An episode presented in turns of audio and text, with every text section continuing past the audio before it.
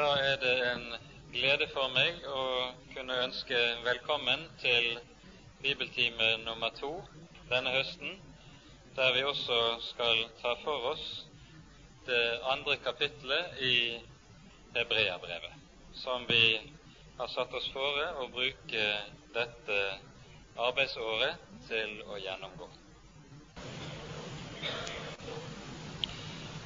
Skal vi så folde hendene og be sammen.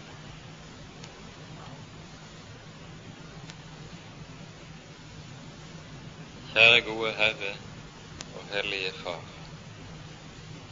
Vi takker og lover deg fordi du har gitt oss din egen sønn,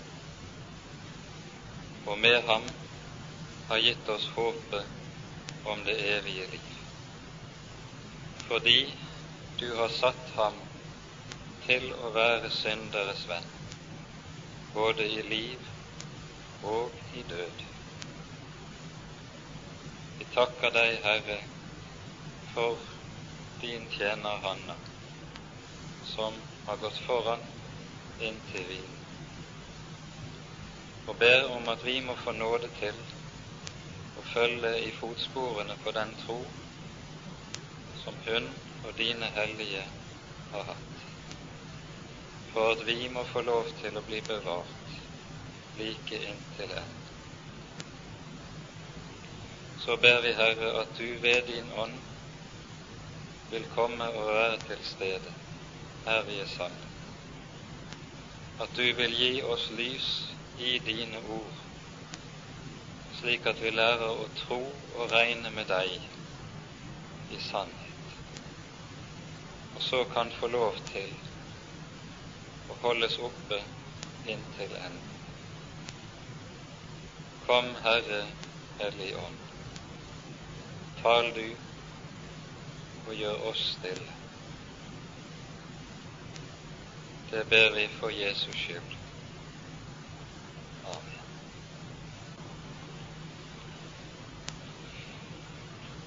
Sist gang gikk vi altså gjennom innledningskapittelet i hebreerbrevet. Og vi kan vel si det slik at dette innledningskapitlet har to hovedpunkter som det samler seg om. For det første det at Gud har talt, og hvilket under det er at den Gud vi tror på, ikke er en taus Gud ikke er en skjult Gud, men en Gud som har åpenbart seg, og som taler. Som har talt slik at vi kan forstå og skjønne, skjønne klart og vite alt vi trenger, både til liv og salighet.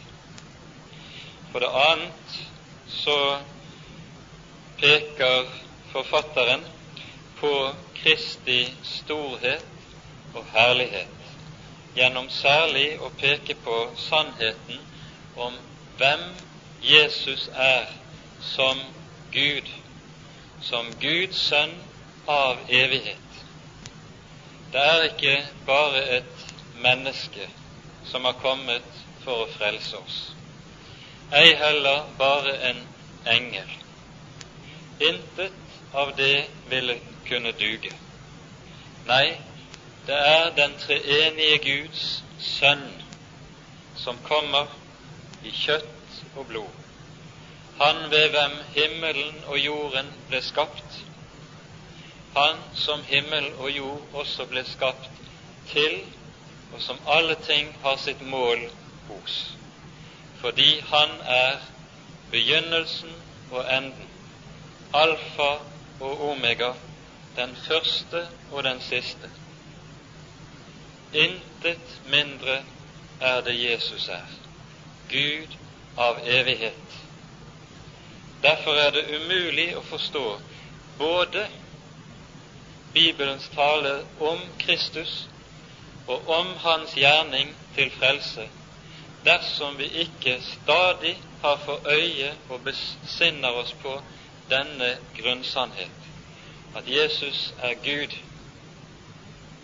at han er den Gud som virket under skapelsen, som talte gjennom hele den gamle pakts hellige skrifter, og som virker som all skapningens oppholder like frem til enden.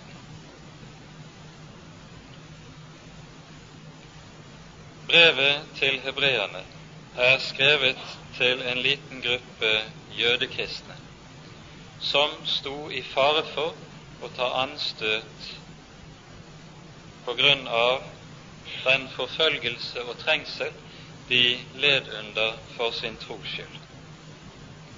Og Når vi nå går inn i det annet kapittel, så møter vi nettopp noe av det som bevirket anstøtet.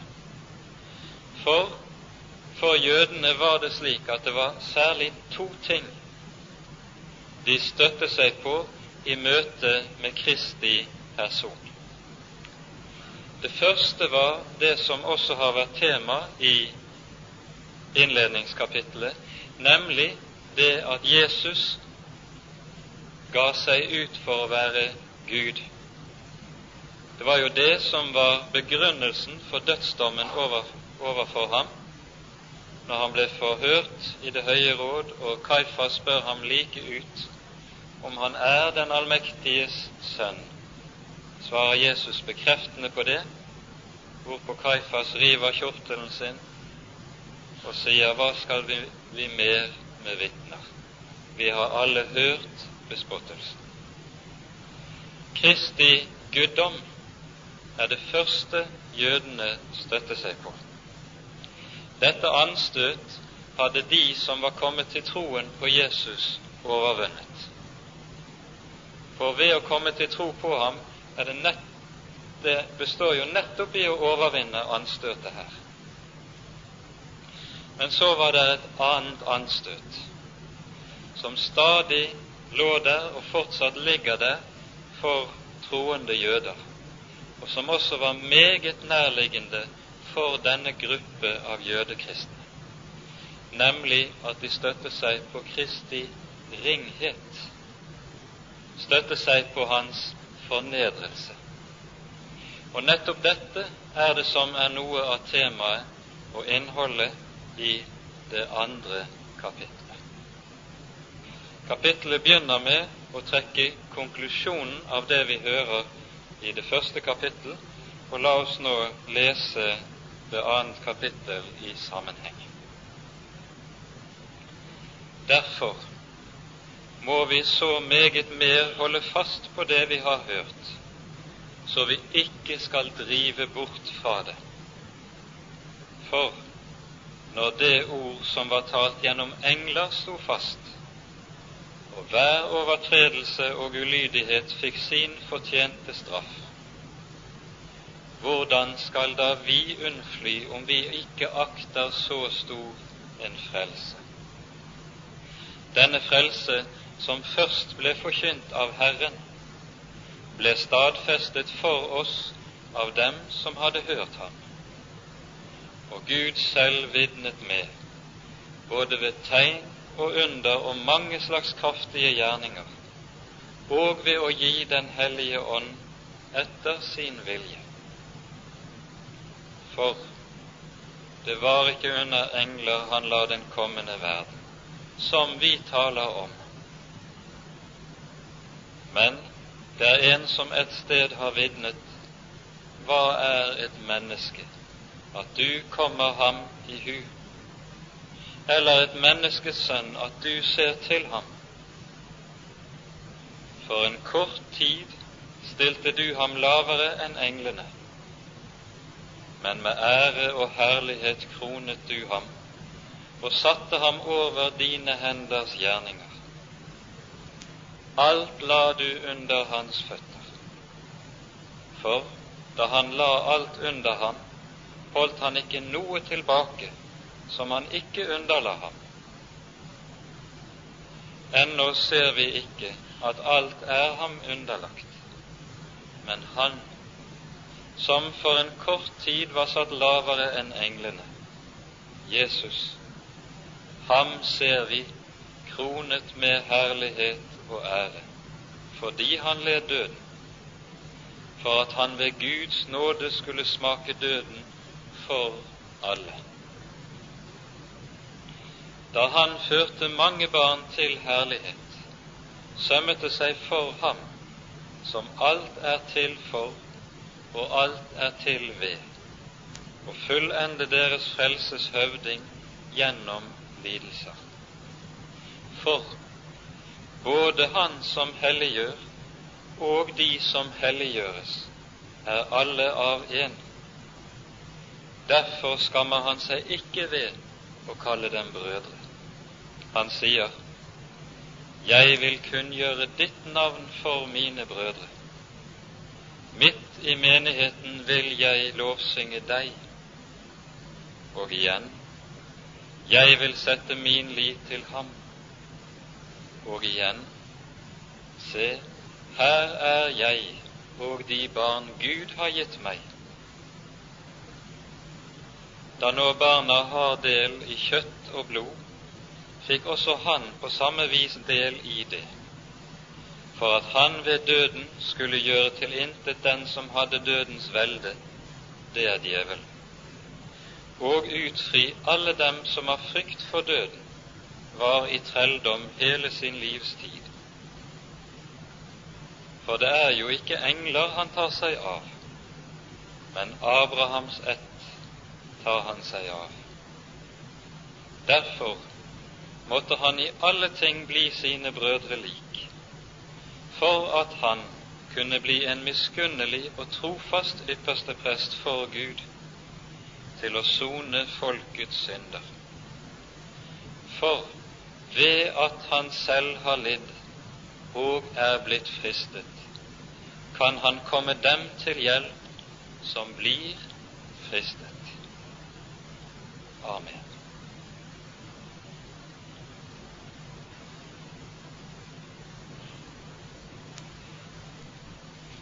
De fire første versene her i kapittelet slutter seg altså til innledningskapittelet ved ordet 'derfor', som vi møter i det første verset. Forfatteren vil formane og minne menigheten at fordi vi har en slik frelser, fordi vi har en slik Gud, så må vi legge vind på at vi ikke kommer bort, at vi ikke tar anstøt, at vi ikke faller på veien. Derfor må vi så meget mer holde fast på det vi har hørt, så vi ikke skal drive bort fra det. Og legg merke til måten teksten her uttrykker seg på. Det er meget sterk understrekning som ligger i grunntekstens måte å uttrykke seg på. Når det taler om å holde fast på, eller som det står i den gamle oversettelsen, å gi akt på, så betyr det noe som man målbevisst legger vind på å ha oppmerksomheten rettet mot. Det er ikke noe som man bare sånn like som i forbifarten leser, og så, sånn som man leser en avis og blader igjennom og ser overskriftene, og så går det ene forbi etter det annet. Nei, å gi akt på, eller holde fast på, som står her, det betyr at man målbevisst må ha oppmerksomheten rettet mot det budskap som er oss gitt. Hvorfor? Jo, sier han, så vi ikke skal drive bort fra det. Her brukes det et uttrykk som betyr det å likesom bli revet med av en strøm som farer forbi. Hvis du skal vade over en elv som er noe stri, så det er det meget viktig at man setter bena under seg slik at man vet at man har skikkelig fotfeste. eller slår strømmen bena under en, og så blir en ført av gårde med strømmen. Slik er det med forholdet til budskapet i Guds ord. Det er noe som man ikke sånn lettvint og overfladisk bare skal fare forbi, slik vi håndterer svært meget av de ord som vi ellers utsettes for i vår medietid. Nei, med Guds ord er det slik at her handler det om en bevisst vekt som skal og må legges på det for at man ikke skal komme i drift. Og når man kommer i drift, da er det jo slik at da er det ikke lenger noe som er fast. Da flyter man hit, da flyter man dit. Det er like som en kork som ligger på vannet. Driver bølgene én vei, så driver man med der. Snur vinden, så driver man motsatt vei. Og dessverre så ser vi dette demonstrert altfor tydelig for våre øyne innen meget av det som i dag er kristenliv, hvor mange som bærer kristennavnet og gjerne vil høre Jesus til, håndterer og forholder seg likegyldige i forhold til Guds ord. Og Derfor blir de også for de ulike vinder som driver hit og dit. De blir ikke i stand til å trekke grenser overfor tidens ulike motetanker som møter dem, og så kommer de i drift. Grunnen til dette er ganske bestemt, nemlig at Guds ord og Guds tanker, det er noe som alltid er oss vesens fremmed. Det som for oss og for vår natur fortoner seg fornuftig, det er alltid i strid med Guds tanker og Guds ord. Derfor er den gamle Adam slik innrettet at han er en som alltid drar bort fra budskapet i Guds ord. Og Derfor vil kristne mennesker alltid ha det å kjempe med i sitt eget hjerte, at det alltid er en kamp innvendig, en indre overvinnelse som må til for det å ta seg tid til Guds ord, for å bruke tid og oppmerksomhet på dette ord. Gjør vi det ikke, kommer vi i drift. Og legg merke til at nå, når han, forfatteren først har pekt på hva som er årsaken til at en kan komme i drift, så peker han så i neste omgang på hvor langt dette kan føre hen, og hvor alvorlig dette kan komme til å bli. Han peker nemlig mot at det som er den endelige utgangen på å komme i drift, det er frafallet. Og så drar han på ny en sammenligning mellom den gamle og den nye pakt. Der han peker på at dersom de som hadde fått Guds ord i den gamle pakt, loven som var talt og gitt ved engler og ved englers åpenbaring, dersom disse kom under dommen ved å forlate eller forkaste det ord de hadde hørt, hva vil da komme til å skje med oss for vi har ikke bare englers ord, vi har ikke bare lovens ord, men vi har ordet fra Guds egen sønn av evighet. Vi har evangeliet, som er så meget større. Vi har ikke bare den gamle pakt, vi har den nye pakt i all dens rikdom. Hvor meget større ansvar hviler det da ikke på oss, på den som har hørt dette budskap, ta vare på det. Vi skal legge merke til at Jesus i Lukasevangeliets tolvte kapittel, det 48. verset, sier slik:" Hver den som mye er gitt, av ham skal mye kreves. Og den som har fått mye betrodd, av ham skal dess mer fordres. Derfor er det det sies som det gjør her i vers 3. Hvordan skal vi da unnfly om vi ikke akter så stor en frelse? Jo større lys en har fått i Guds ord og fra Guds ord, jo større ansvar ligger det på et menneske.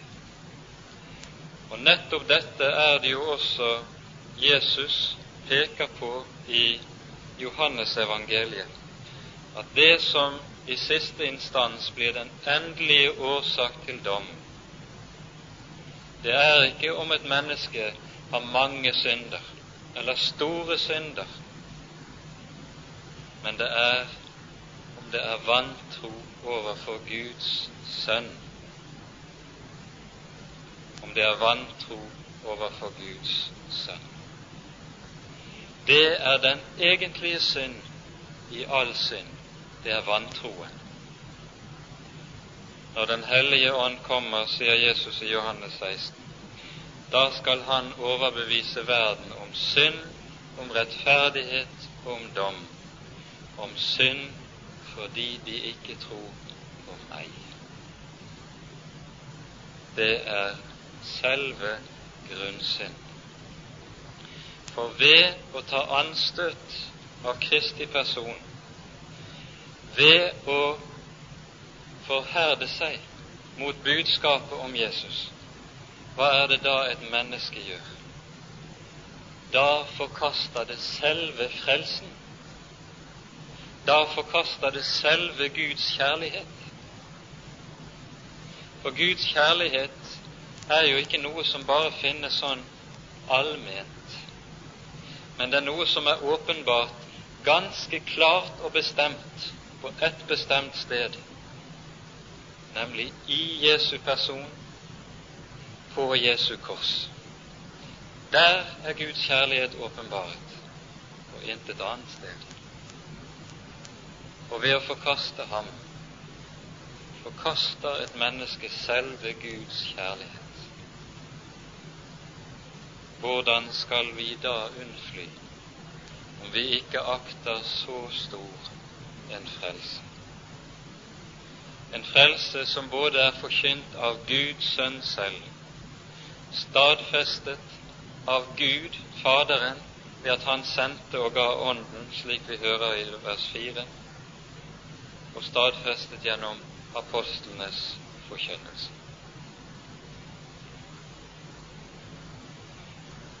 Derfor er det slik at i det et menneske møter budskapet i evangeliet, budskapet om Jesus, i det møter et menneske også sin evige skjebne.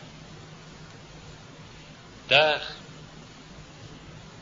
i hvordan en stiller seg til evangeliet om Jesus, der avgjøres det hvor vi skal tilbringe evighet. Den som tror på Sønnen, har livet.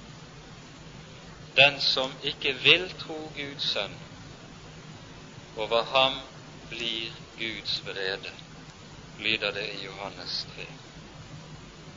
Det samme grunnsannhet som dras frem for oss her. Så fra vers 5 av går forfatteren videre til å, for å begrunne nå, den formaning han nå har gitt menigheten. Og det gjør han ved nå å gå ett skritt videre, idet han går inn på og taler nærmere om Kristi fornedrelse. Og det han særlig da vil understreke, er hvorfor det var nødvendig at Kristus ble så dypt fornedret. Hvorfor det var nødvendig at Han, som er så høyt opphøyet, som er Gud av evighet, dog måtte stige så dypt ned. Dette er det som utdypes videre i det kommende. For det var ikke under engler han la den kommende verden som vi taler om, men det er en som et sted har vitnet hva er et menneske, at du kommer ham i hu, eller et menneskes sønn, at du ser til ham. For en kort tid stilte du ham lavere enn englene, med ære og herlighet kronet du ham, og satte ham over dine henders gjerninger. Alt la du under hans føtter.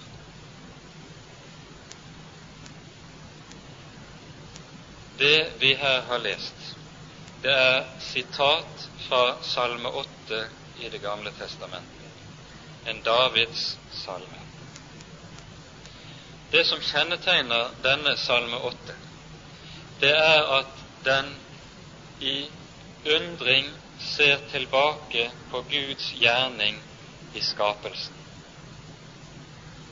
Herre, vår Herre, hvor herlig ditt navn er over all jorden. Når jeg ser din himmel, dine fingres gjerning, månen og stjernene som du har gjort, hva er da et menneske? At du kommer ham i hu. Og du gjorde ham lite ringere enn Gud. Med ære og herlighet kronet du ham. Slik leser vi i Salme 8. Og det Salme 8 altså gjør, det er å peke på det mennesket opprinnelig var skapt til. Første Moseboks første kapittel, der vi hører om hvorledes Gud i sitt råd sier La oss skape mennesket i vårt bilde og etter vår, vår lignelse. Og Gud skapte mennesket i sitt bilde etter sin lignelse til mann og kvinne skapte han dem. Og så setter Gud dem til å råde, slik vi hører i Salme 8. Mennesket er skapningens krone og herre, skapt i Guds bilde, med evigheten lagt ned i sitt eget hjerte, slik vi leser det i Predikerens bok. Dette er den stand og det kall mennesket er satt til og skapt til. Og dette er det mennesket har forskuslet gjennom sin synd. Slik vi er etter syndefallet, så har vi forkvaklet gudsbildet som vi er skapt med. Vi har brukt det herredømme Gud har gitt oss over skaperverket, til å ødelegge forpeste all jorden, slik vi ser det for våre øyne.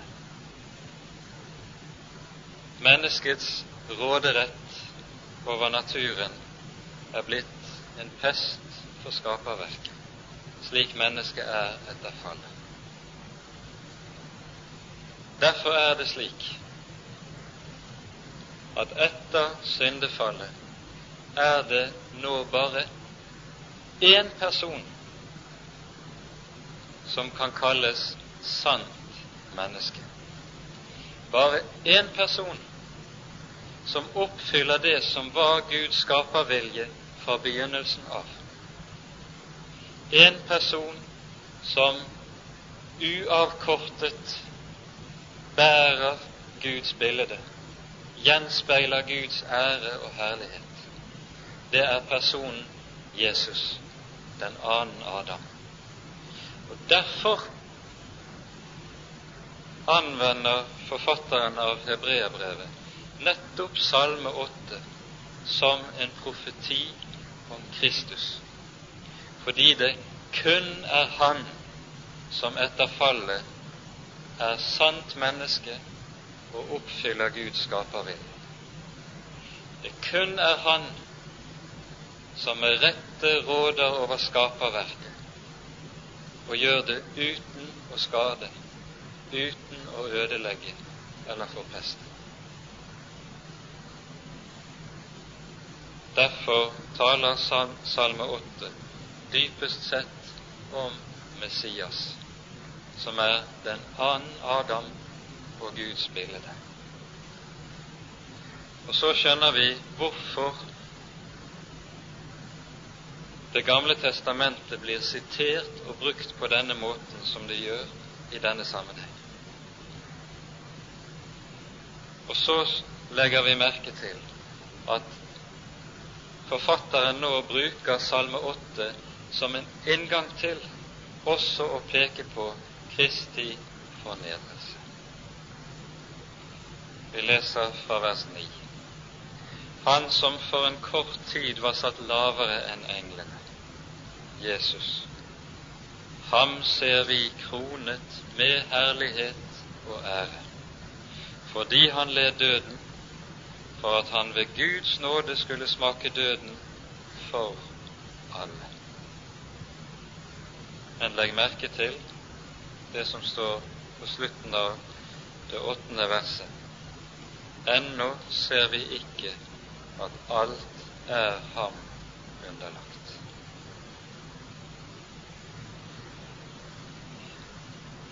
Og i dette ennå ser vi ikke, møter vi det som var hebreernes anfektelse, og det som representerte faren for anstøt for dem. De så ikke, slik den jødiske Messias forventning hadde det, at fredsriket kom med Kristi død og oppstandelse. De så ikke at jorden ble et paradis i og med dette. Tvert om så de at romerne fortsatt trampet all verden med jernskodd hæl. De så at alt fortsatte i de samme gamle, at synden rådet, at maktmisbruket hersket hos de høye og store, og at de små og smake ble utnyttet og undertrykket. Intet var blitt bedre, verden var ved det samme gamle. Og så spurte, spurte de seg hvordan kan det være slik at det er kommet frelse når intet er blitt annerledes. Vi ser enda ikke at alt er ham underlagt. Ser vi på verden, så ser det jo ikke ut som at det er Han som råder, men at det er djevelen som råder. Vi ser enda ikke. Dette var anfektelsen. Her lå snublestenen. Og så peker pekes det videre på Kristi fornedrelse. At den herlighet som Jesus har,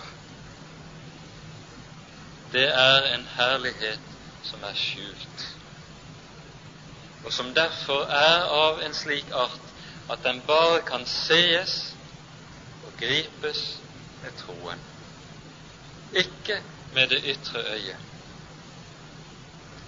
Han som for en kort tid var satt lavere enn englene, Jesus. Ham ser vi, kronet med herlighet og ære. Hvor var det han ble kronet med herlighet og ære?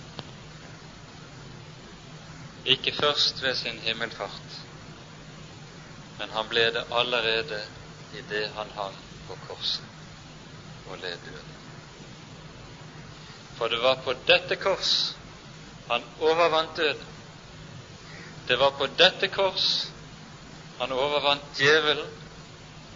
Det var på dette kors han overvant synden. Og Derfor er det vi ser at i meget av middelalderkunsten så er Jesu korsfestelse avbildet slik at han ikke henger der på korset som den lidende i pine og kval. Han har liksom troner på korset, og derfor også har kongekronen på sitt hode. Det understrekes for oss i middelalderkunsten. For det var på korset, når ingen så hans herlighet, at han ble herliggjort. Og det som kjennetegner troen, det er nettopp at den ser dette som det ytre øyet ikke ser. Vi ser enda ikke at alt er ham underlagt, men ham ser vi. Ham ser vi fordi han led død. Det er troens fremste og innerste kjennemerke.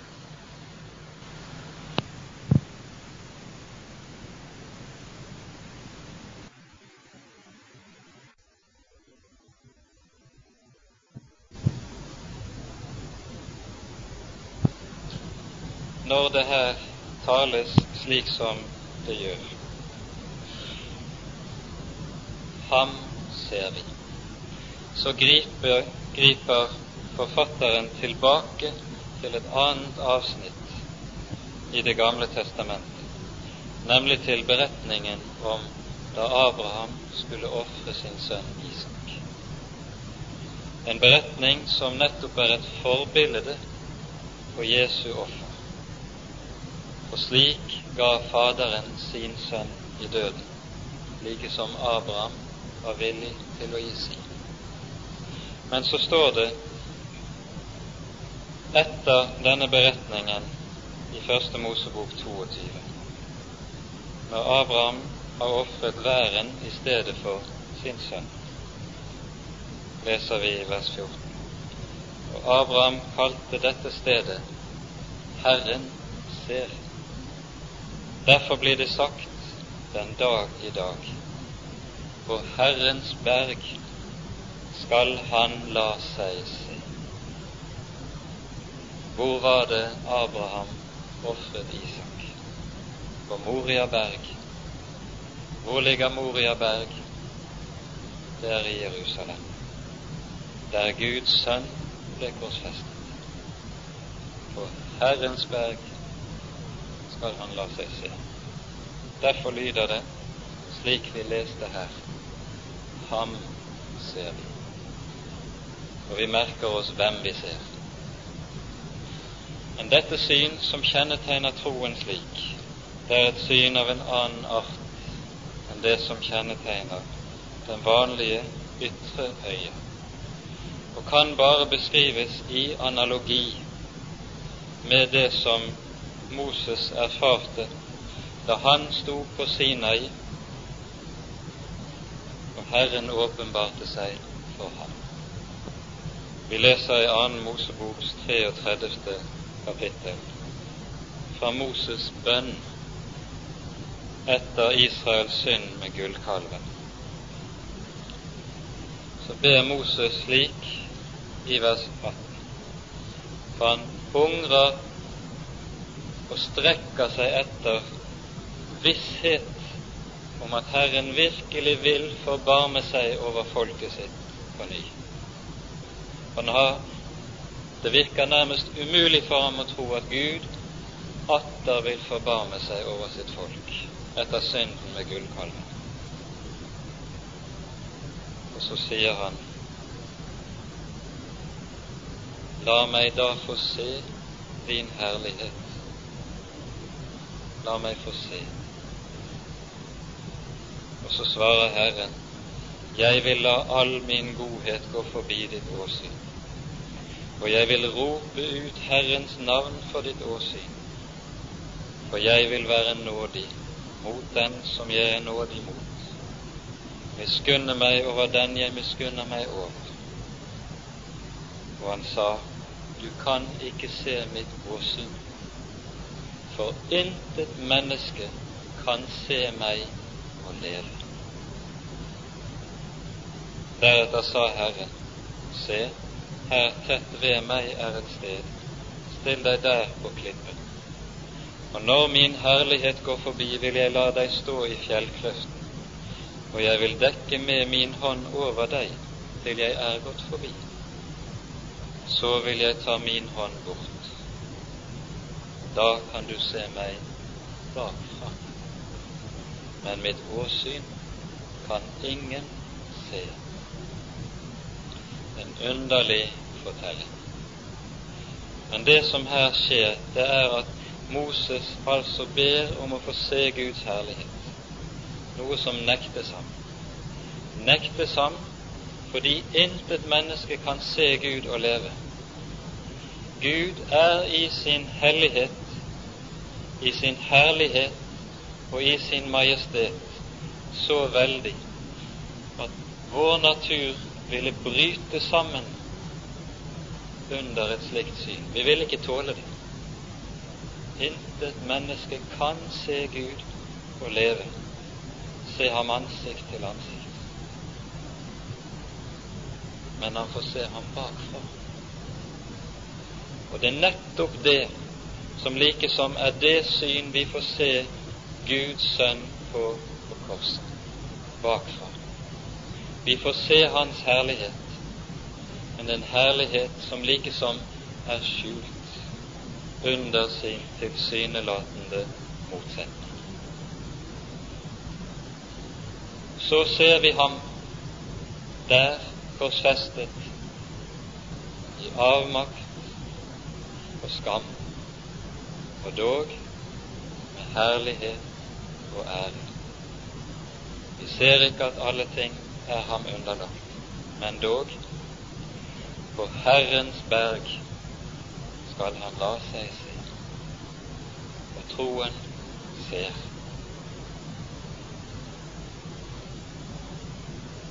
Disse linjene er det som dras i dette avsnittet. Og så går forfatteren videre ifra vers 10. For der å beskrive hensikten med Kristi fornedrelse. Ved Guds nåde skulle han smake døden for alle. Da han førte mange barn til herlighet, sømmet det seg for ham, som er til, som alt er til for, og alt er til ved, å fullende deres frelses høvding gjennom lidelse. For både Han som helliggjør, og de som helliggjøres, er alle av én. Derfor skammer han seg ikke ved å kalle dem brødre.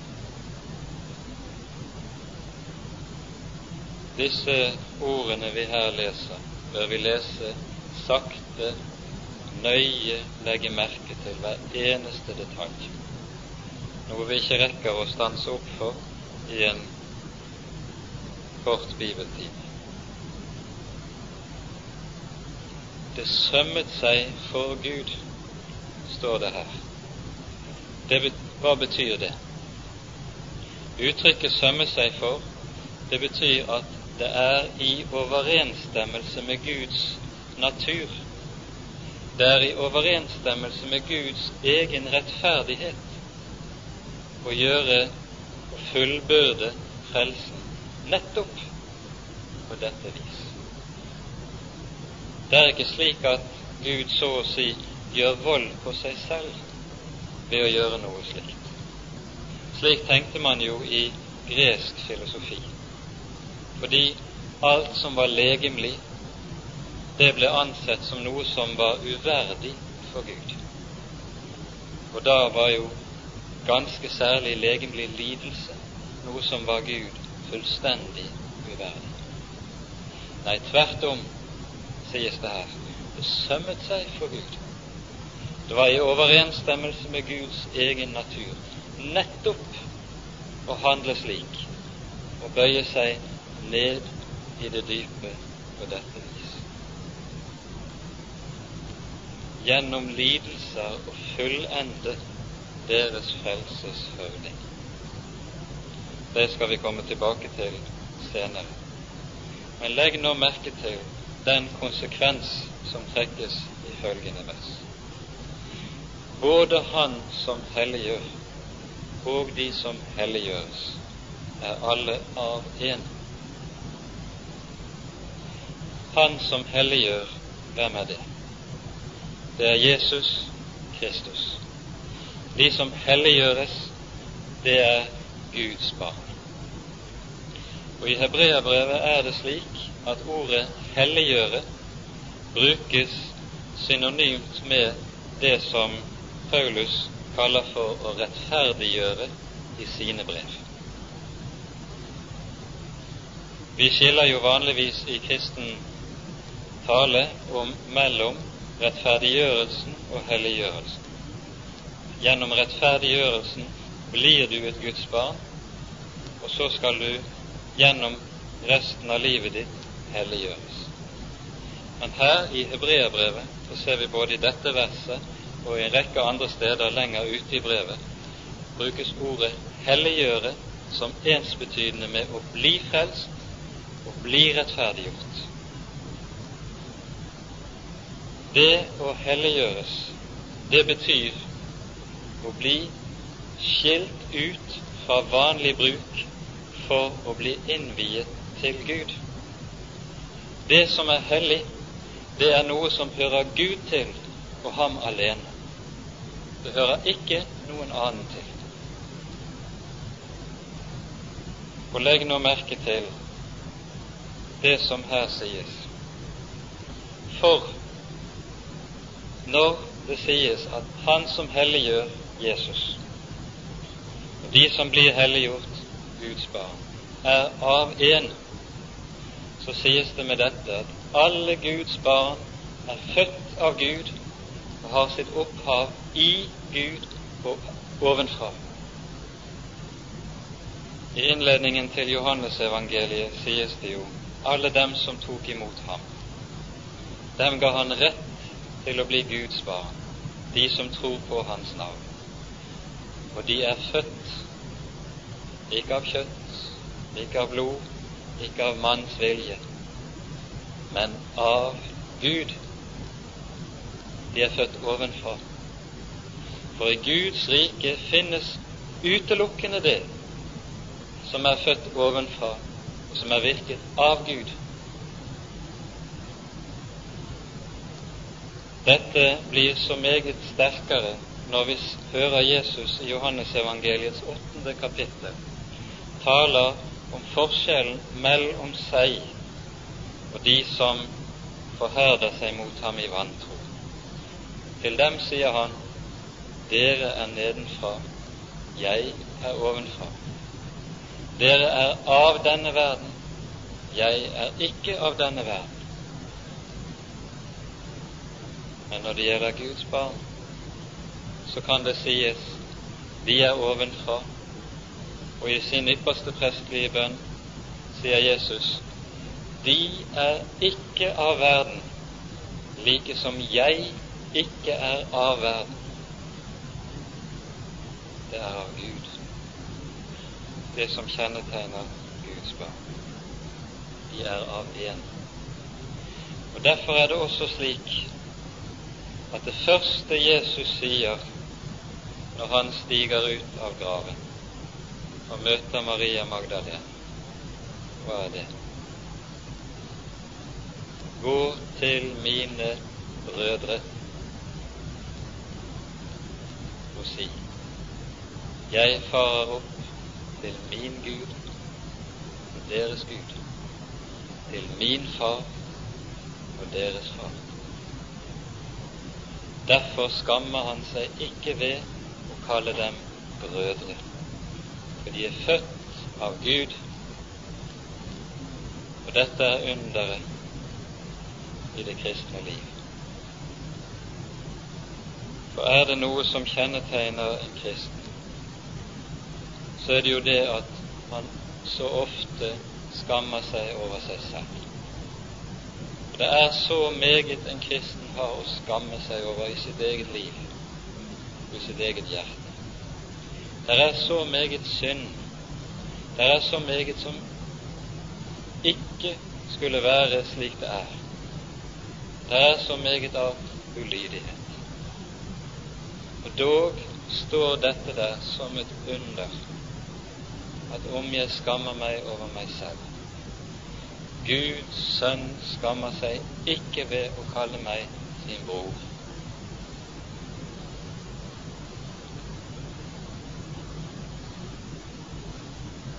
Han sier, 'Jeg vil kunngjøre ditt navn for mine brødre'. Midt i menigheten vil jeg lovsynge deg. Og igjen, jeg vil sette min lit til ham. Og igjen, se, her er jeg og de barn Gud har gitt meg. Og her pekes det på atter en ny underlig sak ved Guds ords måte å tale om Guds barn på. Her er jeg og de barn Gud har gitt meg. Guds barn er Guds gave til sin sønn. Guds barn er den lønn Guds sønn får for hans møye.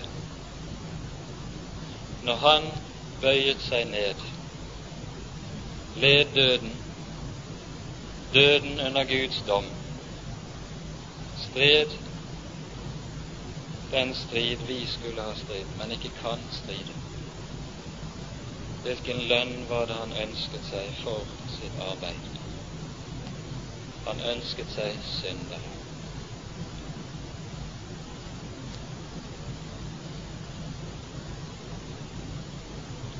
Derfor lyder det også i en annen av de messianske salmer i Det gamle testamentet, den 132.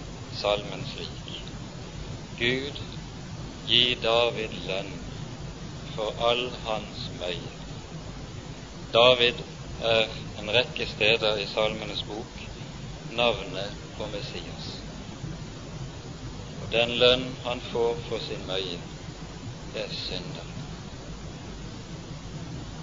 Og Der settes det i perspektiv for oss, kanskje, noe av den talemåte som altfor ofte tankeløst brukes. Det er godt ment, men det er ikke bibelsk når mennesker taler om at de har gitt sitt hjerte eller gitt sitt liv til Jesus. Da har vi det. Ser jeg på jeg, hvordan jeg er i stand til å gi meg selv, så er det så halvt og så halvveis og så halvhjertet. Alt sammen. Men det jeg skal få lov til å regne med, det er for det første at Jesus har gitt sitt liv for meg. Og han har ikke gjort det halvt, og han har ikke gjort det halvhjertet. Og for det andre, han som er Herre og Gud, har så gitt meg, halvhjertede menneske, til sin sønn. For at jeg skal være hans og høre ham til i liv og i død.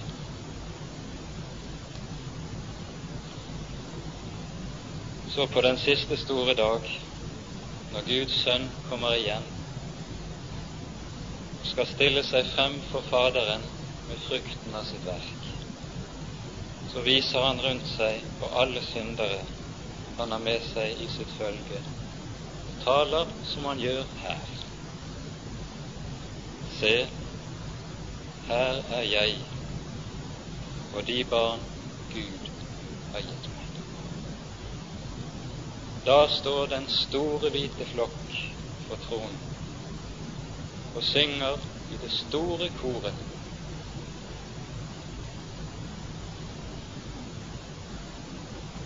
Verdig er du, Guds lam.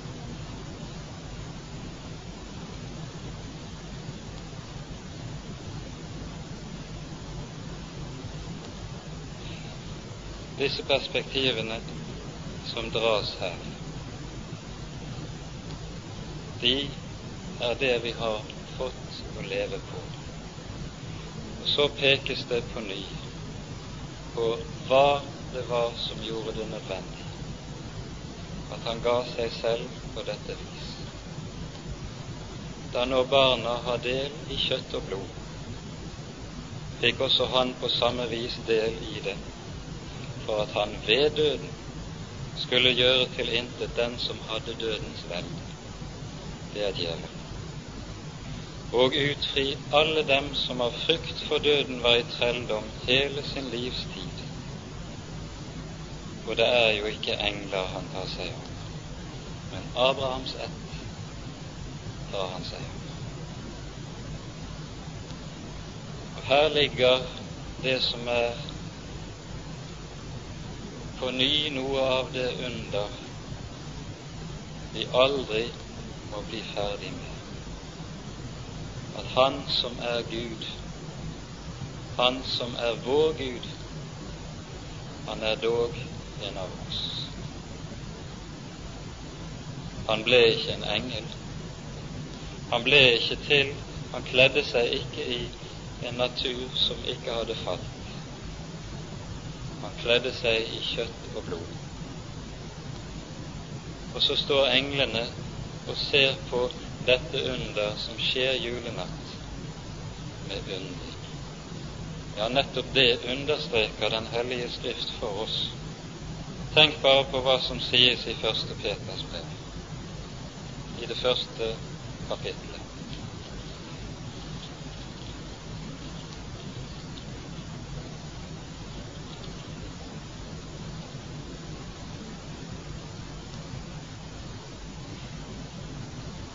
Der står det i vers 12, på slutten av verset, dette som englene trakter etter å se inn i. Dette som englene attrår etter å se inn i. Tenk at den veldige og store og hellige Gud, han ble ikke en engel, om aldri så stor, men han kledde seg i kjøtt og blod. I menneskers kjøtt og blod, som har det som kjennetegn. Av jord er du kommet, jord skal du bli. Og så skal vi vite at den Gud vi har, og den Frelser vi har, det er en Gud som vet hva det er å være menneske. I alle deler, på ett unntak nær. Han falt ikke i synd. Men alt menneskelig er ham kjent Derfor måtte han i alle ting bli sine brødre lik, for at han kunne bli en miskunnelig og trofast ypperste prest for Gud til å sone folkets synder. For ved at han selv har lidd og er blitt fristet, kan han komme dem til hjelp som blir fristet. Ære være Faderen og Sønnen og Den hellige ånd, som var, er og være skal, en sann Gud, høylovet i evighet. Amen. Så synger vi sammen nummer én i salmeboken Folkefrelser til oss kom. Advents og julesalmen som kanskje er en av de salmene som aller vakrest setter ord på noe av det vi har vært sammen om.